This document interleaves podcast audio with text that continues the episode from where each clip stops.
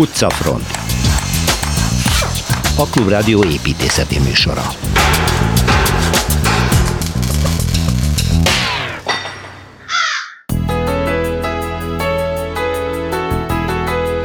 A hollandiai ékszerváros Enkhuizen lesz Szilveszter Ádám következő városi sétájának a helyszíne.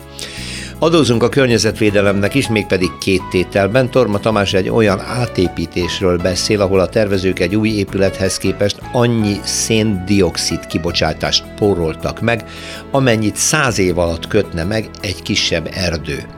Másrészt Pongrácz Rita meteorológus, hidrológus a városi hőszigetekről, illetve azok káros hatásairól értekezik. Kelecsényi Kristófa Semmelweis Orvostudományi Egyetem klinikai épülettömbjének történetével ismertet meg. Fonyódi Anita pedig épület és városi fotósként folytatja a funkcióváltó épületekről készült sorozatát.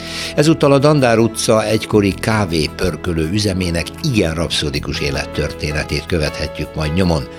Amsterdamban felavatták az első 3D-s nyomtatóval készült híd szerkezetet. Lacik Bálint jó mérnökhöz híven kiszámolta, mekkora környezeti terhelést és energiaveszteséget is okoz ennek az egyébként látványos gyalogos hídnak az elkészítése.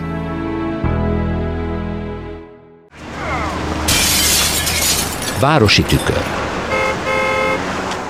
hamisítatlan történelmi környezetbe vezet el minket.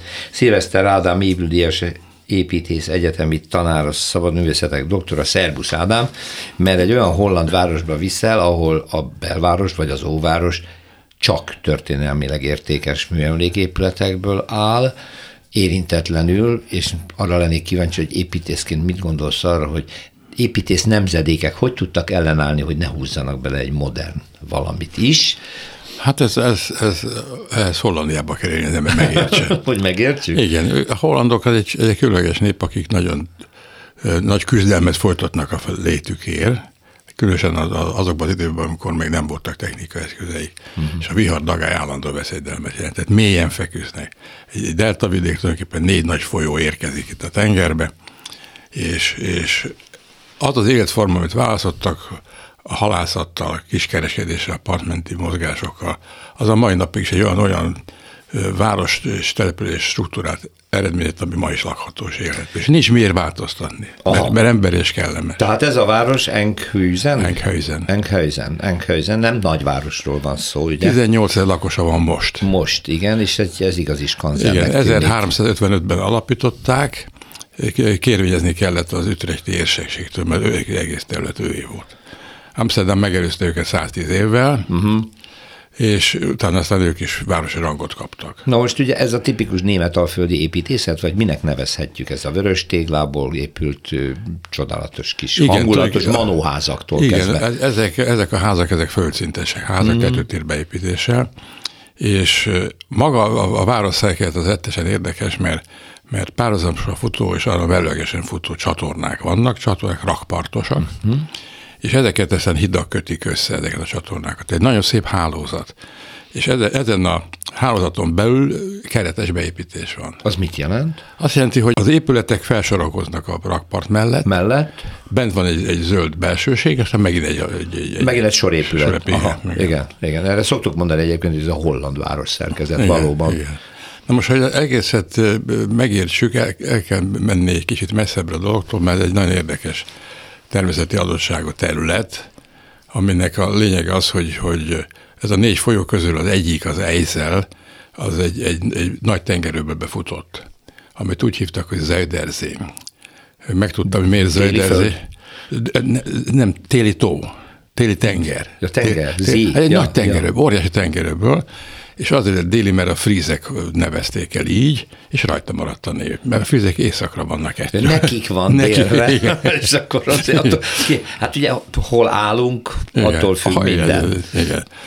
Na most ez, ez egy nagy természeti egység volt, amihez hozzátartoztak azok a ma is létező fríz szigetek, amik egy, egymás után sorakoznak, és tulajdonképpen kis szél esetén dagály esetén is egy nagyon hullámtörő. Tehát egy, egy szelid, szolid állapotot normál állapotok között, és történt egy, egy amikor Hollandia rájött arra, hogy, hogy terület szükséglete van, és ez akkor következett, amikor elkezdtek gazdagodni, erről külön kell majd szót ejteni, akkor, akkor területeket akartak életteret teremteni, ahol, ahol városépíthető település. Tehát elhódítani a tengertől. Igen, tehát főképpen mezőgazdasági Igen. célokra, és, és ez úgy kezdődött, hogy 1932-ben elkészült egy gát, ami az Észak-Holland tartományt összekötötte Frieslanddal, a Fries tartománya, és ez lezárta a tengert.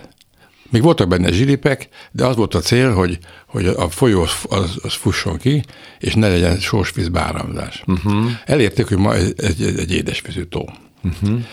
Na most ez, ez azért érdekes, mert emellett elkezdett a polderépítés, említést tettem, én megtanultam az iskolában egy prima földrajztalent, hogy a polder ez egy, ez egy nemzetközi név, és azt jelenti, hogy a, hogy a víz felszíne alatti szárazföldeket jelenti. Tehát Magyarországon is vannak polderek fönt a Krasznaszamos közébe. Igen. Uh-huh. Ahol ugye meg, a vízszint, igen, magasabb. Igen, ahol, ahol lerakodott az, az üledék, és gátat épített, és mellett a termőföld lejjebb van. Tehát ez, ezt, ezt, a, ezt a technikát használták, és, és épült egy, egy, egy olyan polderrendszer, aminek nagyon sok felülete érintkezik a szárazfölddel. Tehát tulajdonképpen ilyen félszigetek lettek, gáttal körülvették, kiszivattyúzták, hosszú-hosszú eljárás lesz, nem is érdemes taglalni, de évtizedek kellene, hogy termőföld legyen belőle. És ezt a terület úgy hívják, hogy, hogy Flevoland. Flevoland, és van, van egy, egy még másik két polder, ami összefüggő területé vált, városok vannak rajta, de ezek új városok? Ezek új, Lélistát például az, az egy abszolút új város. Új város. Léli volt az a mérnök, aki ezt, ezt egészet forszírozta és megtervezte. Uh-huh. És utána készült még egy érdekes dolog, hogy Enkhuizent összekötötték Lélistáddal, tehát a Félvalandi első várossal, és itt egy gát lezárja, egy még délebbi területet, azt, azt már nem is úgy hívják, hogy Eiselmer, ugye már nem Zölderzé, Eiselmer, hanem ez Markenermer. Már majd nagyon szép város Márken, de külön egyszer majd el kell menni, mert minden fából van uh-huh. a házak, tehát nem tégla. Uh-huh. Na hát most akkor Enkőzenben megérkezve, és hát mondtam, hogy 1355-ben alapították, pislákolva éldegélt. Egyet kell tudni, hogy a hollandok azok fantasztikus egy társaság, mert, mert belekeveredtek egy 80 éves háborúba a spanyol katolikus királysággal szemben, és ez Ezeken a területeken sikeresen zajlott, és a, a fegyveres harcok 1609-ben elültek a 30 éves háborút lezáró uh-huh. békeszerződésig. Na most ők észrevették, hogy náluk már nincsen csata. És mit csináltak? Miután jó hajósok és messze menő céljaik voltak, és ha járták már tengereket, Tasmániába elmentek. Bőven, igen. Akkor ők és hajókat építettek, eltároztak, hogy, hogy elmennek és szerencsét próbálnak, és létrehoztak egy, egy, egy, egy olyan társaságot, aminek az a neve, hogy Holland keleti társaság, a, a központja Amsterdam volt, ugye Amsterdam a Zölderzének a, a, a egyik partja, a belső partja, és bevettek olyan, olyan településeket, mint például Enkhuizen és Horn, nagyon közelben van, két halászváros, akiket érdekelté tettek, hogy ezt csatlakozzanak, mert, mert ha nem barátok, akkor érkezik a, a gyarmatáru, ezek meg ott vannak a torkolatnál, és mindjárt, mindjárt megdésmálják. Hát világos, hogy együttműködésre voltak ítélve, de Igen. ugye ezek a hajók, amelyekkel a hollandok tényleg a világ számos pontjára eljutottak, elég nagyok, ezek be tudtak jutni a kikötőbe, ehhez a városhoz hát közvetlenül? Van, igen, neki van, rengeteg kis kikötője van, az Odehafen, az, az, a, az, az öreg kikötő, amit nagyon kifejlesztettek. Tehát, Tehát ők, akkor ők, ők lerakodó hely is volt, igen. Árútot persze, ki is igen. lehetett rakni. Tehát ők gazdagodtak. Uh-huh, igen. Na most ez a gazdagodás ez olyan méretű volt, hogy a 17. század végére Hollandia volt a leggazdagabb terület a világon. Tehát ez, ez, egy, ez egy érdekes dolog, az ambíciók milyen értelmesek. és milyen Ebből a gazdagságból, hogyha Enkhuizenről beszélünk, az építészetében látszik valami, vagy megmaradtak ilyen szerény földszintesek? Megmaradt a szerény földszintesek, de az, azért vannak. Két érdekes épület van a Városháza, ami kővel burkolt, és, és barokk díszítések vannak rajta. Barokk. barokk. Hát, Itt, hát ez, ez már 17. század, uh-huh. tehát kicsit így megkésve is, de Igen. ez a gazdagságnak a, a, a megjelenítése. És, és ezen kívül van egy torony, ami egy, egy, egy figyelő torony, ami a tengert leste, tehát a védelmet szolgálta, és egy nagyon szép épület. Érdekes, hogy egyébként a szárazföld felült erődített, tehát városfallal, cakkos városfalja vizes árokkal, ami persze most már nem vizes árok, és, és ezen belül ez a, ez a, ez a kedves város, ez minden pillanatában tényleg bájos, festői mondják ilyen az emberek, ennél ez sokkal izgalmasabb, mert, mert megélhető. De van ott saját serfőzők, érdemes felkeresni, mert nagyon sört csinálnak. Tehát él, élik az életüket, és, és, és messze menően tudnak a világban eligazodni mai napig. Tehát a, egy holland gyermek, amikor megszületik, és kinéz az ablakon, és lát egy vízfelületet, ami ott van a ladikja, akkor olyan végtelenek a célképzete, hogy tudja, hogy innen lehet, el lehet jutni az óceánig. Uh-huh. Mert így, így élnek a hollandok. Tehát távlatokba gondolkodnak. Ez döbbenetes, hogy Mennyire, me, mennyire meghatározza, hogy a földrajzilag hol, hol vagy, hol ugye, vagy, mit igen. látsz például. Igen. igen. Na most érdekes, hogy itt van egy, egy múzeum, ami a Szöldezi Múzeum, ami önmagában is egy skanzen, és, egy szigeten van. Uh-huh. De aki, aki állatkertbe akar menni, egy nagyon szép vadasparkban, főképp szarvasokkal, és van, van egy, egy, egy, egy nagy-nagy gyermeknek való buli hely, ahol mindenféle vigalmi dolgot lehet Akkor már csak egy kérdés a végére, hogy Enközön turisztikailag egy izgalmas hely, tehát így látogatják? Izg- nagyon izgalmas. Tehát érdemes. Egy, egyrészt hát feltűnően jó a kínálata, uh-huh. a TripAdvisor az nagyon jó dolgot ír le. Remek vendéglőket lehet találni, tehát a mindenféle fajta érdeklődést ki tud szolgálni, gazdag ember, szegény ember, de tulajdonképpen aki ide eljön, az, az valamit majd megsejt itt egy, egy különleges életformát, egy, egy különös felfogást, ami, ami a tradíciókat hát akkor... könnyedén őrzi. Köszönöm szépen Szilveszter Ádámnak az Enközeni óvárosi sétát, mert ez az óvárosi séta volt, de úgy sejtem, hogy jövő héten maradunk még Hollandiában. Hát beszélhetünk Hornul a testvérvárosról. No, nézzük meg. Ami egy kicsit városiasabb, tehát ott már az óvárosba is betelepültek akkor sem, nem, nem igazán modern épületek, de egy pár nagyon jó szecessziós épület már Na, az benne. is izgalmas, Igen. nekünk az már közelebb van, úgyhogy jövő héten Szilveszter Ádámmal innen folytatjuk. Köszönöm szépen. Budapesti séta. Pesten bent a belvárosban van egy egészen különleges kis épületecske, olyan, mint egy ilyen, hát akár a Vidámparkban egy ilyen mese terem, vagy nem tudom, mi is lehetne, amiről most Kelecsényi Kristóf építészettörténész fog nekünk beszélni. Szia! Nem akarom lebecsülni, a Gólyavár az különben kultikus hely, tehát az ELTE BTK központ épületének udvarán van. Na de ez egy nagyon régi dolog, ugye?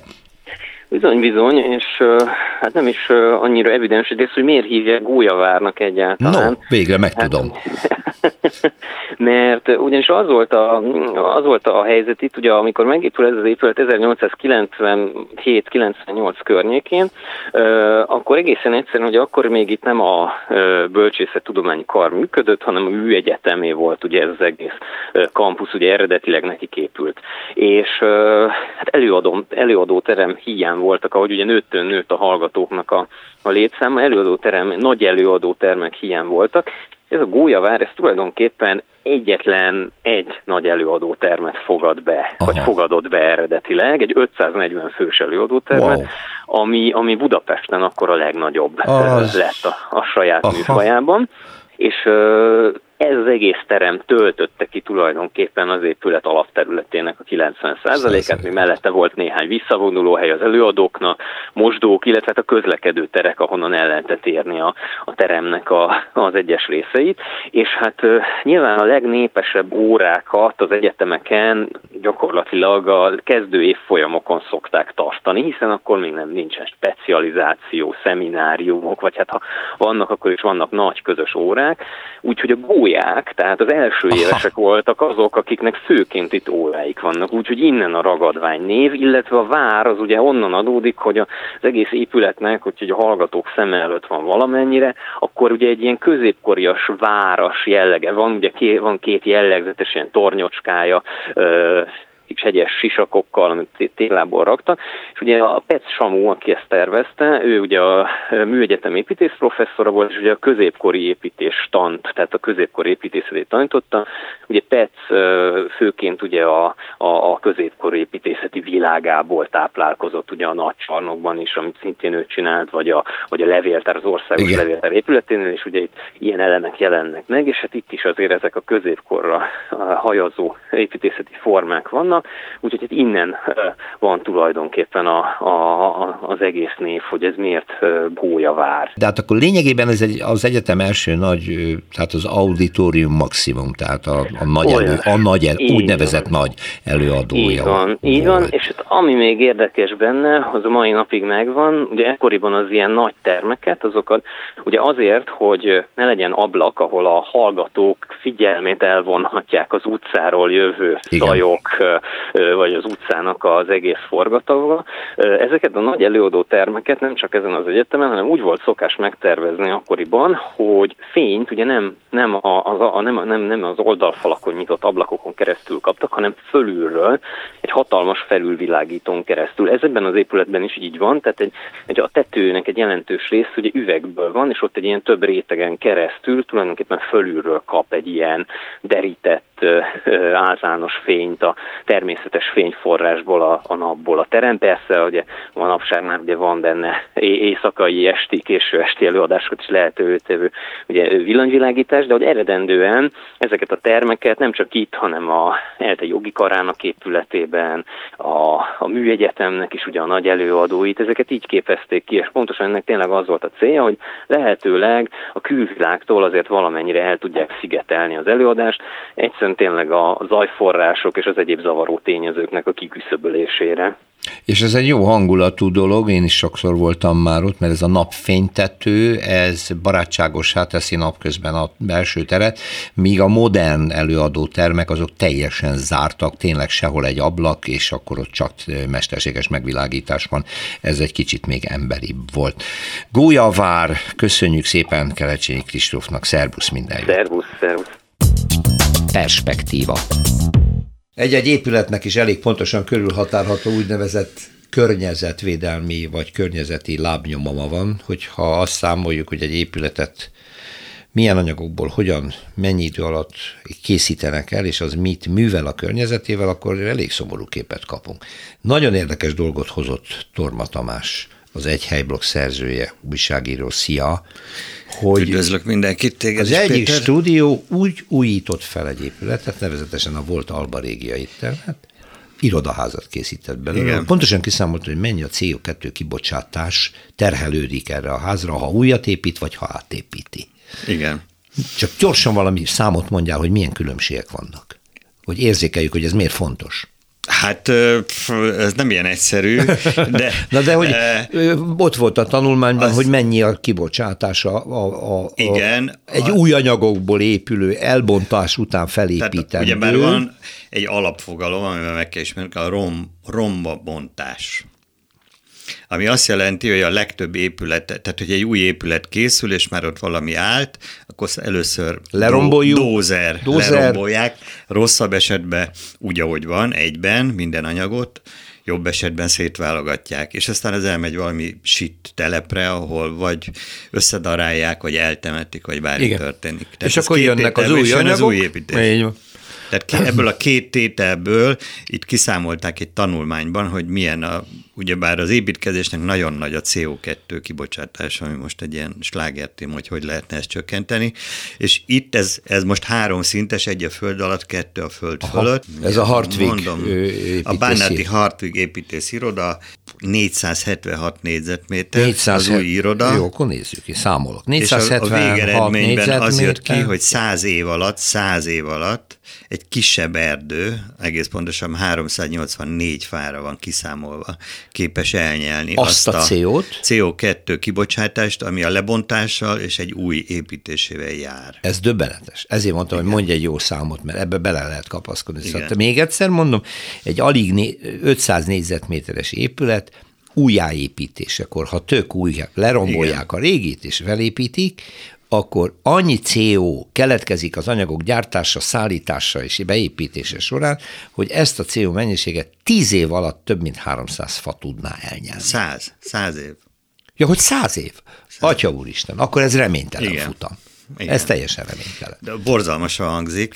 Igen, hát ez egy... Ez tulajdonképpen egy... az építészetnek az egyik alapkérdését lékeli meg valamilyen értelemben, vagy nyilván inkább módosításra kényszeríti, tehát az, hogy építünk, az azt jelenti, hogy mindig valami újat építünk, és a régivel, ha egyáltalán volt, nem foglalkozik.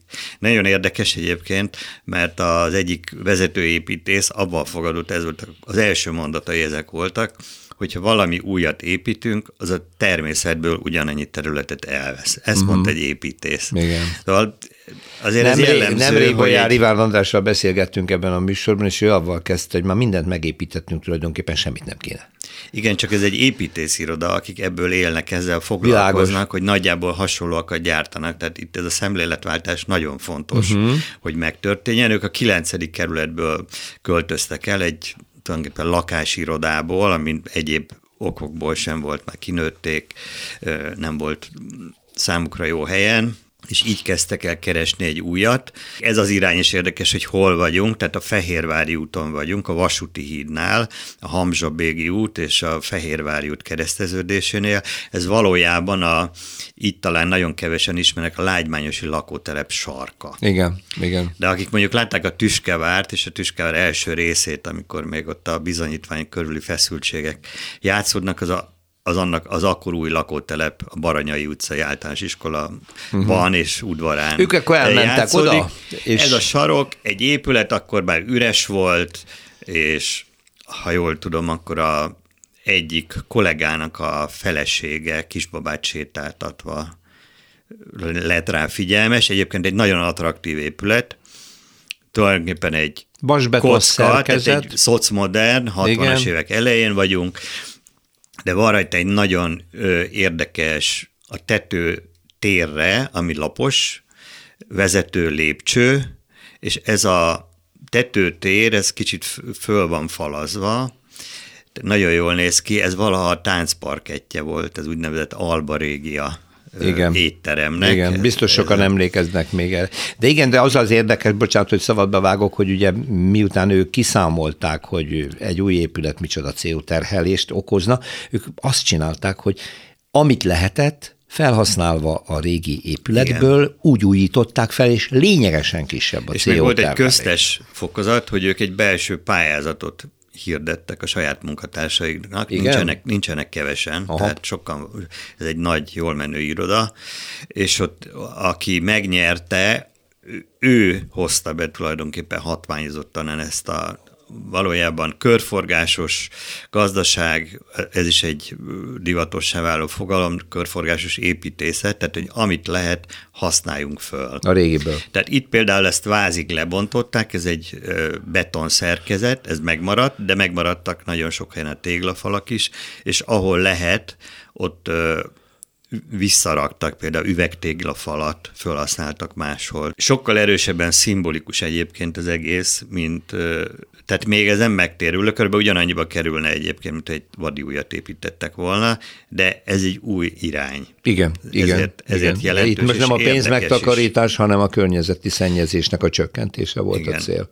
Egyébként Értem. egy nagyon érdekes belső teret hoztak létre, áthelyezték a bejáratot hátulra a lakótelep felé, tehát ez egy régi lakótelep már nagy fákkal, tehát egy teljesen Igen. civilizált környék, csöndesebb bejárat, és úgy, hogy megnyitották a pince, pincerészt is, tehát így lett Három szint. Három szint, ahol a harmadik a tetőtér. Ott egy, egy lépcső és egy bevilágító udvar van együtt, és tulajdonképpen e köré szerveződik a, az egész tér.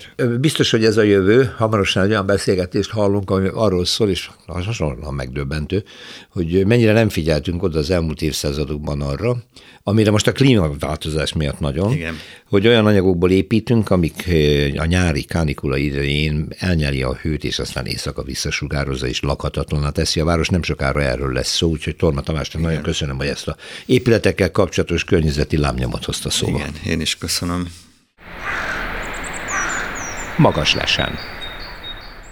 Bár a kánikula elmúlt, vagy lassan elmúlik, nem tudom, lehet, hogy még visszajön az ősszel, ezt nem lehet tudni, de itt a városban az emberek rettenetesen sokat szenvednek az utóbbi években, amikor ilyen rendkívüli az időjárás, és nagyon felmelegszik. Foglalkoztunk ebben a műsorban már azzal, hogy az épített környezetnek megvan az a veszélye, hogy olyan anyagokat használunk fel, amelyik nyáron magukba szívják a meleget, és lökik ki, és éjszaka se tud lehűlni a dolog. De úgy elmegyünk könnyedén az ilyenek felett. Most egy tanulmánynak a kivonatát olvastuk, ami pontosan erről szól, és elég precízen felisméri, hogy ezek az úgynevezett hőszigetek mitől és hogyan alakulnak ki, és hát még javaslat is van a tanulmányban arra, hogy mit, mi az, amire figyelni kellene. Pongrácz Rita, a meteorológus, hidrológus, a földtudományok doktora, az ELTE TTK meteorológiai tanszékének az adjunktusa van a stúdióban. Jó napot kívánok! Jó napot kívánok! Jó, itt most jó a klíma, nem? Ez most okay. Igen. Jó, ez most nem, nincs túlfűtve, az épület belsejébe vagyunk. De ez a ház, amiben a stúdiónk is van, meg a klubrádió, szintén egy régi, nagy, hatalmas tömb, és bár ö, fák vesznek körül, és ezért szerencsére az utcafont úgy, ahogy árnyékos, de azt mi is érezzük, hogy elmegyünk egy épület előtt nyáron, önti ki magából a meleget, és egy másik épület meg nem.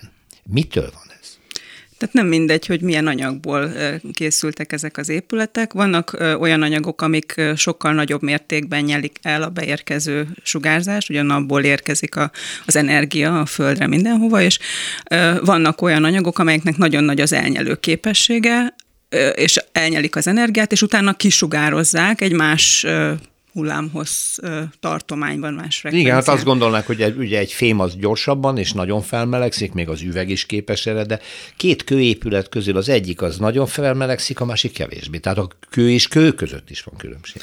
Ö, igen, az sem mindegy, hogy milyen színűek ezek az épületek. Aha, Például, ö, ugye, hogyha világosabb színű, akkor sokkal nagyobb a visszaverő képessége, és ezek egymást kiegészítik. Tehát ami beérkezik energia, az vagy visszaverődik, vagy elnyelődik egy felszínre érkezve. Tehát emiatt, hogyha világosabb, akkor nagyobb lesz a, a visszavert rész, és kisebb az elnyelt rész, tehát a, a, az energia, amit, amit kap a, a, a felszín, az adott objektum, az kevesebb lesz, és ezt fogja kisugározni, és hát nyilván akkor, hogyha kevesebb a, a bent lévő energia, akkor kevesebbet is tud kisugározni. Uh-huh. Ez mondjuk télen még kellemes is lehet, ugye, abból a szempontból, hogyha napsütéses hideg idő van, akkor szépen akkumulálódik a hő bizonyos épületekben. Igen, igen, ilyen ö, városi hősziget ez igazából egész évben előfordulhat, azért persze függ adott időjárási helyzettől, de például a téli időszakban ennek pozitív hatása van, tehát kevésbé kell mondjuk fűteni, mert hogy, hogy van egy, egy plusz energia a, a városi ö, területeken.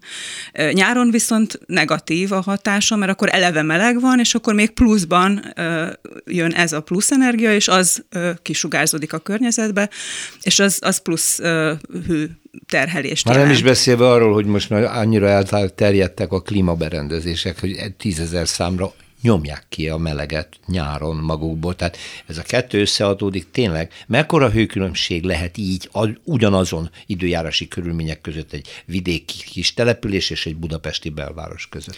Hogyha a levegőhőmérsékletet nézzük, akkor ez ilyen 4-5 fok is lehet uh-huh. akár. Függ nagyon attól, hogy melyik napszakban nézzük. Általában igazából ez az éjszakai időszakban jelenik meg. Tehát pont azt a hülési vagy olyan pihenési időt zavarja meg, amikor egy kicsit megnyugszik az idő, lenne, igen, igen. és közben meg fűtenek a házak, meg, az, meg a burkolatok fűtenek, meg a falfelületek, meg az üvegfelületek, meg egyebek. Az ön ismeretei szerint az építészetben ez szempont már? Figyellek erre?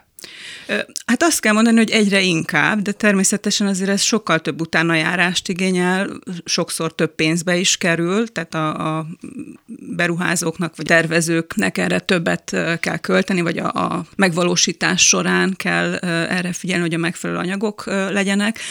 De Igazából mindenféle ilyen burkolat esetében vannak már olyan fejlesztések, amelyek nem csak a színük miatt, hanem akár a konstrukciójuknál fogva, tehát egy kicsit más összetételben állítják össze, és ezért sokkal nagyobb visszaverő képességgel rendelkeznek, mint a uh-huh. hagyományosabb anyagok. Hát igen, de meg vagyunk áldva. Itt van Budapest, belváros, totál be van építve, mindenféle szempontokat figyelembe vettek, csak éppen ezeket nem. Nyáron ezek ezek tűz forróak, mi a csodát lehet csinálni? Húzzunk föl mindenhova ponyvákat? hát igen. Hát igen, vannak olyan megoldási javaslatok is, amik azért elég utopisztikusak, de lehet például a, a növényzettel úgy is játszani, hogy megpróbálni a falakra valamilyen ilyen futó növényeket telepíteni, és ezek is segítik azt, hogy akkor nem közvetlenül a falra érkezik ez a, az energia, hanem ott a növényzet, és a növényzet az a párolgás révén abból az energiából, amit kap, levesz, és akkor már a kisugárzott energia kisebb lesz. Oh. Ez az egyik lehetőség. Lehet a tetőkre is Zöldet növényeket. terem, zöld Igen. tető, az most nagyon, most már előtérbe került, külön szakmának Igen, tekintik, a igen, zöld igen. tetőépítés. Ezt elsősorban azért a lapos tetőre Hát nyilván. lehet, és figyelembe kell venni mindenképpen az éghajlati viszonyokat, tehát ahol, ahol nem olyan sok a csapadék, akkor ott egy kicsit ilyen szárazságtűrőbb növényzetet érdemes telepíteni, mert különben nagyon, nagyon sokba kerül a fenntartása, hogy külön öntözni kell a De hogyha növényeket. például egy függőleges falra föl lehet futtatni valamilyen növényt, aminek a levele elég nagy, és nyáron szépen árnyékol meg, amint mondtad, hogy a nedvességgel is lehet a hűtést előidézni, akkor az egy jó megoldás. Igen, Akár még egy- egy családi házon is. Igen, igen. És hát nem véletlen, hogy hogyha nézzünk ilyen régebbi házakat, akkor nagyon sokszor van, hogy ilyen vadszőlőt, borostyánt, ilyen-olyan növényeket futtattak. Ennek esztétikailag is ugye szép, hogyha Szép. rátekintünk, de, de van egy ilyen klímamérséklő, vagy hát ilyen melegmérséklő hatása is. A víz hogyan befolyásolja? Ugye, ha nagyon párás az idő, akkor sokkal nehezebben viseljük a meleget, a szárazat az könnyebben elviseljük, de ugyanakkor meg a vízfelület hűt. Igen, tehát a, a vízfelületeknél az a helyzet, hogy a beérkező energiát a vízfelületek is elnyelik nagyon nagy mértékben, és ott is van kisugárzás, viszont ott megjelenik a párolgás, és mivel a, a víz az teljesen korlátlanul rendelkezésre áll, e- egészen addig, amíg a felette lévő légkörnek, légtömegnek van befogadó képessége, nedvesség befogadó képessége, tehát 100% alatti a relatív nedvességtartalom, addig tud a párolgás működni, a párolgáshoz energia kell, és ezt az energiát a vízfelület biztosítja, a víztömeg biztosítja, és ezáltal az az energia, ami a levegő melegítésére szolgál, az kevesebb lesz, tehát kevésbé melegszik fel a levegő, mert a párolgás már elvett az energiából. Tehát mindenképpen ahol lehet a vízfelület, az hasznos a városban. Igen, igen. Igen. Hát akkor a, a klasszikus megoldás minél több fa. Gondolom. Igen, lombos, igen. lombos növényzet, minél és minél több árnyékolást eh, megvalósítani, ami szintén, hát egyrészt nagyon nehéz, mert milyen növények tűrik a városi légszennyezést, tehát itt szépen összeadódnak ezek a dolgok. Hogy Igen, nem, nem annyira könnyű ez a feladat, mert hát azt is figyelembe kell venni, hogy a, a különböző burkolatok alatt milyen vezetékek, milyen ö, Közművek, gáz, igen. víz vezetékek találhatók, és, és nem olyan egyszerű. Ezek ráadásul nem nem elég okosan vannak elrendezve, tehát nem az van, hogy van egy nagy cső, és abban mindent beleraknak, hanem mindenki külön-külön csinál magának ilyen vezetéket az aszfalt burkolat alatt, és emiatt nehéz a fáknak helyet találni, mert hogy ezeknek a gyökérzetének kell, kell a talaj mindenképpen.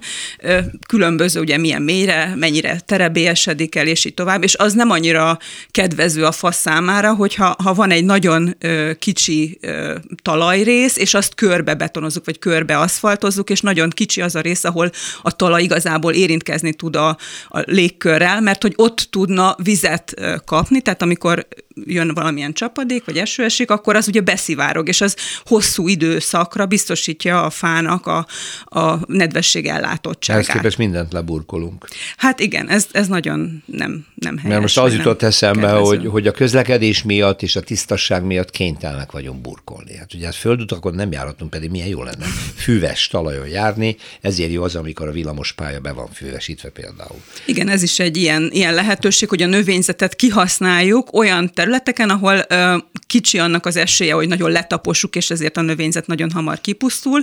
Ugye a, a villamos sínek között azért nem járunk tipikusan, és a villamos sem nehezedik rá, hanem kifejezetten a sínpára, és ezért a, a, a közötte a sín pár között lévő területet, ott ezzel a zöld növényzettel lehet. Igen, de ez, be. sajnos ezt így, ha, ha valahol meg is valósítják ilyen bemutató jelleggel, Budapesten a kiskörút egy pici szakaszszámban pedig milyen szép, még ott fák is vannak, viszont én láttam Szegeden, hogy egy nagyon, a Széchenyi téren már egy nagyon hosszú szakaszon tiszta zöldbe megy, Először is gyönyörű látvány, hát másrészt borzasztó jó hatásra van, meg lehetne ezt csinálni mindenütt, szinte. Igen, hát azért természetesen a fenntartásához kell figyelmet biztosítani, mert ö, nem biztos, hogy, hogy mindig elegendő a csapadék, nem olyan egyenletes az eloszlása, hogy ezt a folyamatos zöldet biztosítani tudja, de alapvetően azért nem annyira igényes a, a fű, vagy amiket ilyen helyeken használnak, ezért ez azért megoldható hát itt is az, hogy oda kellene figyelni, és így kellene megtervezni ezeket a, az építményeket, vagy ezeket a tömegközlekedési területeket. Egyébként a különböző anyagok, amiket az építkezéshez használnak, üveg, fém, cement, fa, meg mit tudom én, ezeket ilyen szempontból már jól ki lehet választani, hogy például hőterhelés szempontjából melyik lenne a célszerű, mikor, hova, mit építsünk be? Igen, ezekre vannak olyan ajánlások, amit mondjuk a tervezőmérnökök figyelembe tudnak venni. Minden egyes ilyen anyagnál meghatározzák azt, hogy milyen hőelnyelő vagy energiaelnyelő képességgel rendelkezik, illetve hát vagy ezt határozzák, vagy azt, hogy, hogy mi a visszaverő képessége, és ahogy mondtam, ez ki egyel, vagy a kettő az kiegészíti egymást, tehát vagy ez történik, vagy az, és az egyik a másik kárára. És, és e, ebből ki lehet választani azt a típust, ami a leginkább visszaveri, és így mérsékli ezt a, ezt a hatást. Igen, arra gondoltam, hogy miután egy ilyen beépítésű városban, mint Budapest, és különösen a belvárosát tekintem, sok mindent nem lehet csinálni, de Hát persze, azt mondta, hogy pénz, odafigyelést igényel, és ehhez nem vagyunk hozzászokva fenntartani, de például rengeteg háztető van, aminél el kéne gondolkodni, hogy világosabb színű legyen, olyan burkolatot kapjon, ahol lapos tető van, ott zöld, zöld tetőt kéne létesíteni, szóval, mert azért ez össz, összköltségét tekintve visszajön, nem? Tehát, hogyha a hőterhelést mérsékeljük, kevesebb a klímahasználat, stb., nem? Így van, tehát hogy ezt lehet úgy megtervezni, hogy, hogy, hogy ne kelljen olyan sok pénzt arra fordítani, hogy, hogy az épületnek a fenntartását biztosítjuk, hanem, hanem ezekkel a segédeszközökkel ugye kevesebb energia a, jut a házon belül is, tehát kevésbé kell hűteni mondjuk a nyári melegben, és ezáltal lehet megtakarítani a, a fenntartási költségekből. Tehát, hogy a, a kezdeti befektetés, amit az igényel, hogy ki kell alakítani a zöldtetőt, vagy a speciális anyagot meg kell venni, ez azért hosszú távon, tehát hogyha mondjuk ilyen évtizedes skálát nézünk, ez azért megtérülhet. Az jutott eszembe, hogy az utóbbi 10-15 évben bódog-bódogtalan térköveket rak le, a régi aszfalt burkolatokat felbontják, kidobják, mert azt nem lehet újra hasznosítani, azt hiszem, és szépen lerakjuk ezeket a térköveket. Ezek jó vastagok, tehát amikor nyár van, akkor a tojás lehet sütni rajtuk. Tehát van ennek értelme? Ezek között is azért vannak olyan típusok, amik kevésbé ö, nyelik el a hőt, Igen? és ezáltal, ezáltal azért kedvezőbbek, illetve hogyha megfelelően porózusak, tehát ez azt jelenti, hogy például a nedvesség le tud jutni, a, uh-huh. a, az eső le tud ezen jutni, és az alatta lévő talajrétegbe beszivárog, akkor, és utána a párolgással tud kifelé is jutni, akkor ez azért hasznos lehet. De hát az a tapasztalat, hogy a legtöbbször nem ilyen típusú térköveket használnak, hanem azok, amik nagyon erősen vízzáróak, tehát nem engedik a nedvességnek, a víznek ezt a fajta Mozgása. mozgását, és ezáltal valóban az történik, hogy nagyon felmelegszik, és a fölötte lévő lég réteget is felmelegíti. Igen, és nyár éjszakán meg tüzel. Hát szóval igen. nyomja vissza. Igen. Szóval erre az építészek már tudnak figyelni, de akkor mi is figyeljünk rá, akár társasházak, akár egyedi épületekről beszélünk, magántulajdonú épületekről érdemes lesz, ahol van erre valamilyen adottság, akkor ezt a hő sziget hatást is figyelembe venni és tervezni. Ehhez egyébként rákeresnek, akkor találnak jó cikkeket. Elsősorban Pongrácz Rita és munkatársainak a kutatásai alapján. Köszönöm, hogy itt volt. Én köszönöm. És további jó kutatást, minden jót kívánok. Köszönöm, viszontlátásra. Utcafront. Nemrég Lakcik Bálint műsorunk állandó mérnök szakértője arról számolt be, hogy Németországban már 3D nyomtatóval nagyon komoly épületeket készítenek. Szerbusz Bálint. Szerbusz, jó napot kívánok! Különben is tudom, hogy ennek a technológiának is a szerelmese vagy. Úgyhogy nem véletlen, hogy most is egy 3D-s dolgot mondasz el nekünk, de más aspektusból, mert én hírként már bemondtam ebben a műsorban, hogy egészen szenzációs Amsterdamban 3D nyomtatási technológiával egy hidat készítettek. Igaz, hogy ez egy gyalogos híg, de borzasztó jól néz ki, nem is lehetett talán más technológiával megcsinálni, ahogy ez elkészült.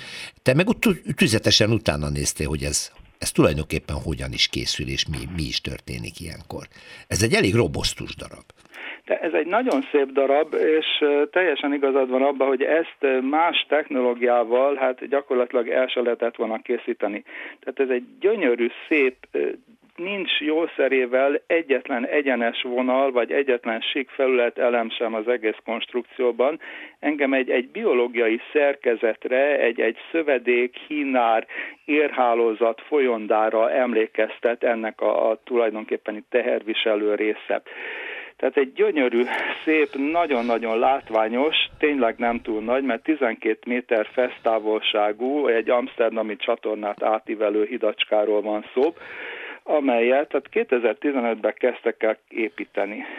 Az hát azért jó sokáig készült. Persze, az, itt sok minden megváltozott. Aha.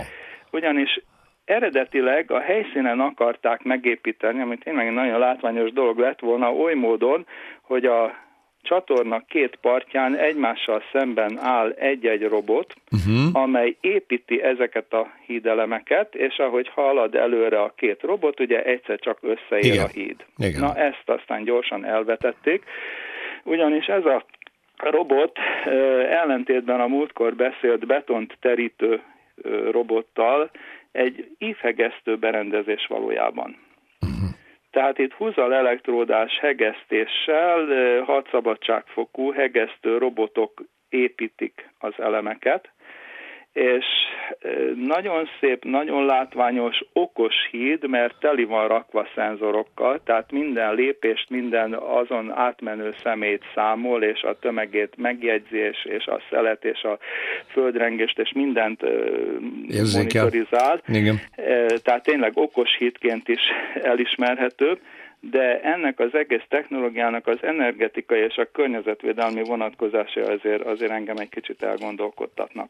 No, hát ez azt jelenti, hogy nem is olyan szép ez a történet? Én érzek ebbe árnyoldalakat is, tehát a, utána néztem, 4500 kg rozsdamentes acélból épült föl, Na most, hogyha ezt hegesztési technológiát csinálták, már pedig úgy csinálták, egy szokványos, mondjuk 1 mm átmérőjű hegesztő húzat felszámolva, uh-huh. itt egy ilyen olyan 300 valahány kilométernyi hegesztő húzalra van szükség, uh-huh.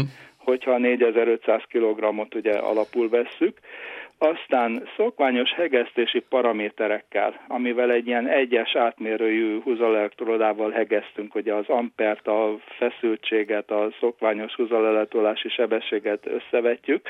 Szóval valami egészen durva érték jött ki, én utána számoltam, ez ilyen 23 megawatt óra hő mennyiséget, Ez villamos energiát kellett fölhasználni ez ennek a hegesztő húzalnak a megolvasztásához. Ez rettenetesen És sok. ez az ívnél megjelenő teljesítmény, nyilván a, a primer köri veszteségek, meg a robotvezérlés, meg sok minden még ez rájön. hozzájön, uh-huh. és hát ez az egész mennyiség a hegesztésnél, ugye mi történik, megolvasztja a fémet, a fém oda csöppen és épül ez a gyönyörű folyondás szerkezet, de uh-huh. az őt kisugározza. Uh-huh. Mi az, hogy?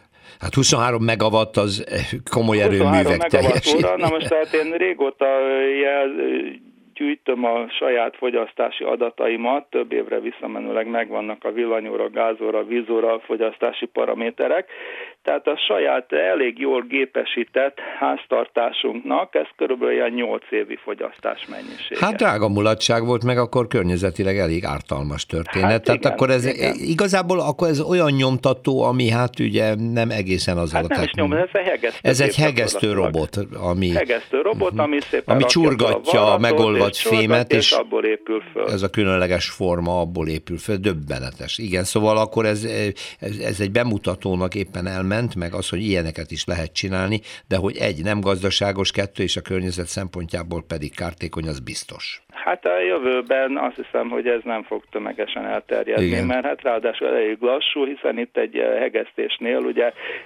centiméteres nagyságrend a percenkénti leolvasztó sebesség, uh-huh. és hát azért itt egy, egy 350 kilométert, mire ugye elhegezgetnek, hát eh, sok, sok ezért is volt, igen, ezért is tartott ilyen sokáig. Látványos, izgalmas Amsterdamban ez a kicsi híd, na de lám-lám nem is biztos, hogy ez a jövő. Mindenképpen nézzük meg, ha arra járunk, de azért legyenek fenntartásaink vele. Lacik Bálint, nagyon szépen köszönöm, arra fogunk járni. Szia! Köszönöm szépen, szavasz! Utcafront És akkor következik Fonyódi Anita város és épületfotós a képtérblog szerzőjének rovata. Szervusz Anita!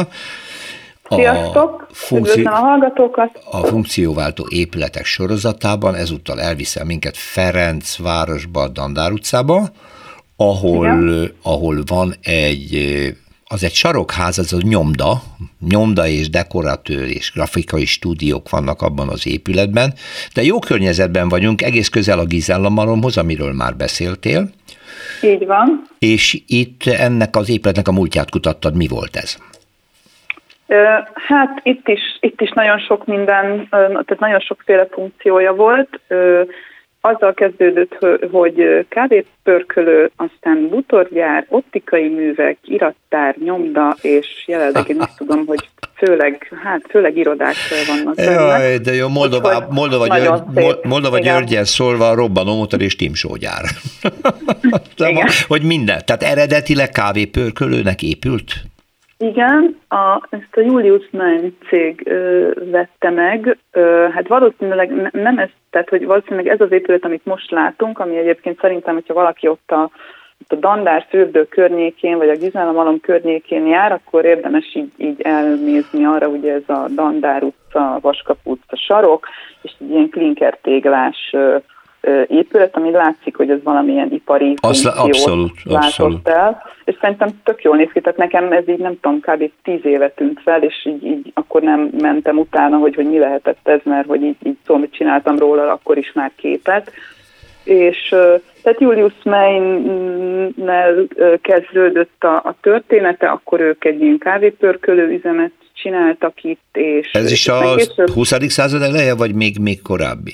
Ez hát 1908, 8. uh-huh. tehát igen, igen, 20. század eleje, és akkor ők aztán áthelyezték a termelést Budára, úgyhogy akkor ettől az üzemtől megváltak, és 1928-ban a Fodor József műbútorgyár költözött ide, és én szerintem valamikor akkor tájt lehetett. Erről sajnos nem találtam így anyagot, hogy, hogy pontosan ezt az épületet, tehát kiterveztem ilyen, tehát pontosan mikor, de én azt gondolom, hogy ez így a 20-as évek körül lehetett, tehát talán pont Fodorék, tehát a bútorgyáros idejéhez kötődik, úgyhogy csak hát ők egy, ugye 1928-ban egy szerencsétlen pillanatban, tehát a gazdasági, gazdasági világválság előtt, úgyhogy hát az egy, egy viszonylag, tehát a, a, a tulajdonossal kapcsolatban ez egy viszonylag rövid történet, mert ők 1934-ben a feleségével aztán így a, a kilátástalan jövő miatt, vagy hát így a, igen, tehát a, a, emiatt öngyilkosságot követtek el, viszont a butorgyár az maradt még egy darabig, tehát így a,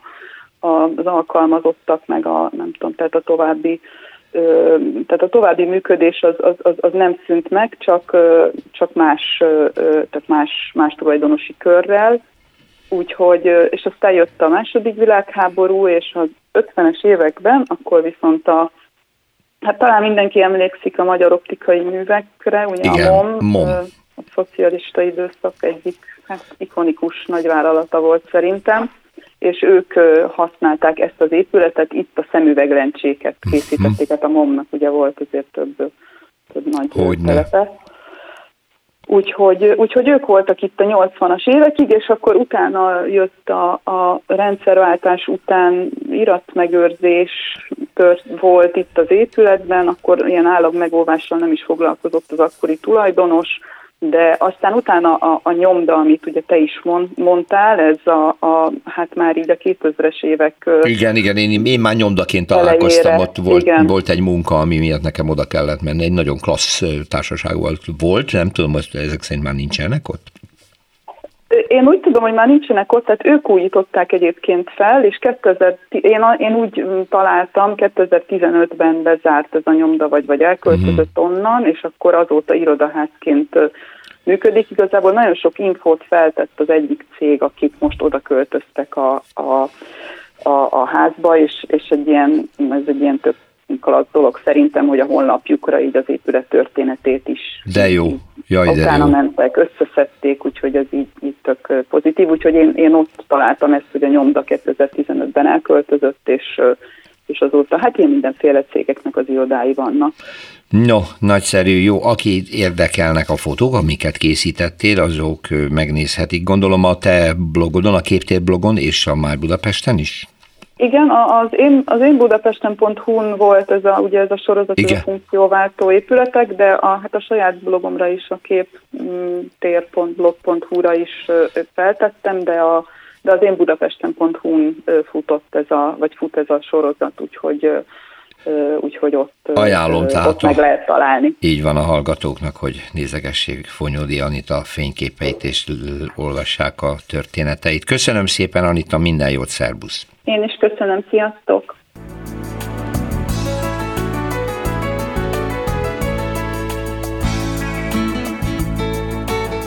Köszönjük a figyelmüket, az utcafrontot hallották, a műsort Árva Brigitta szerkesztette és Rózsa Péter vezette. Egy hét múlva várjuk Önöket.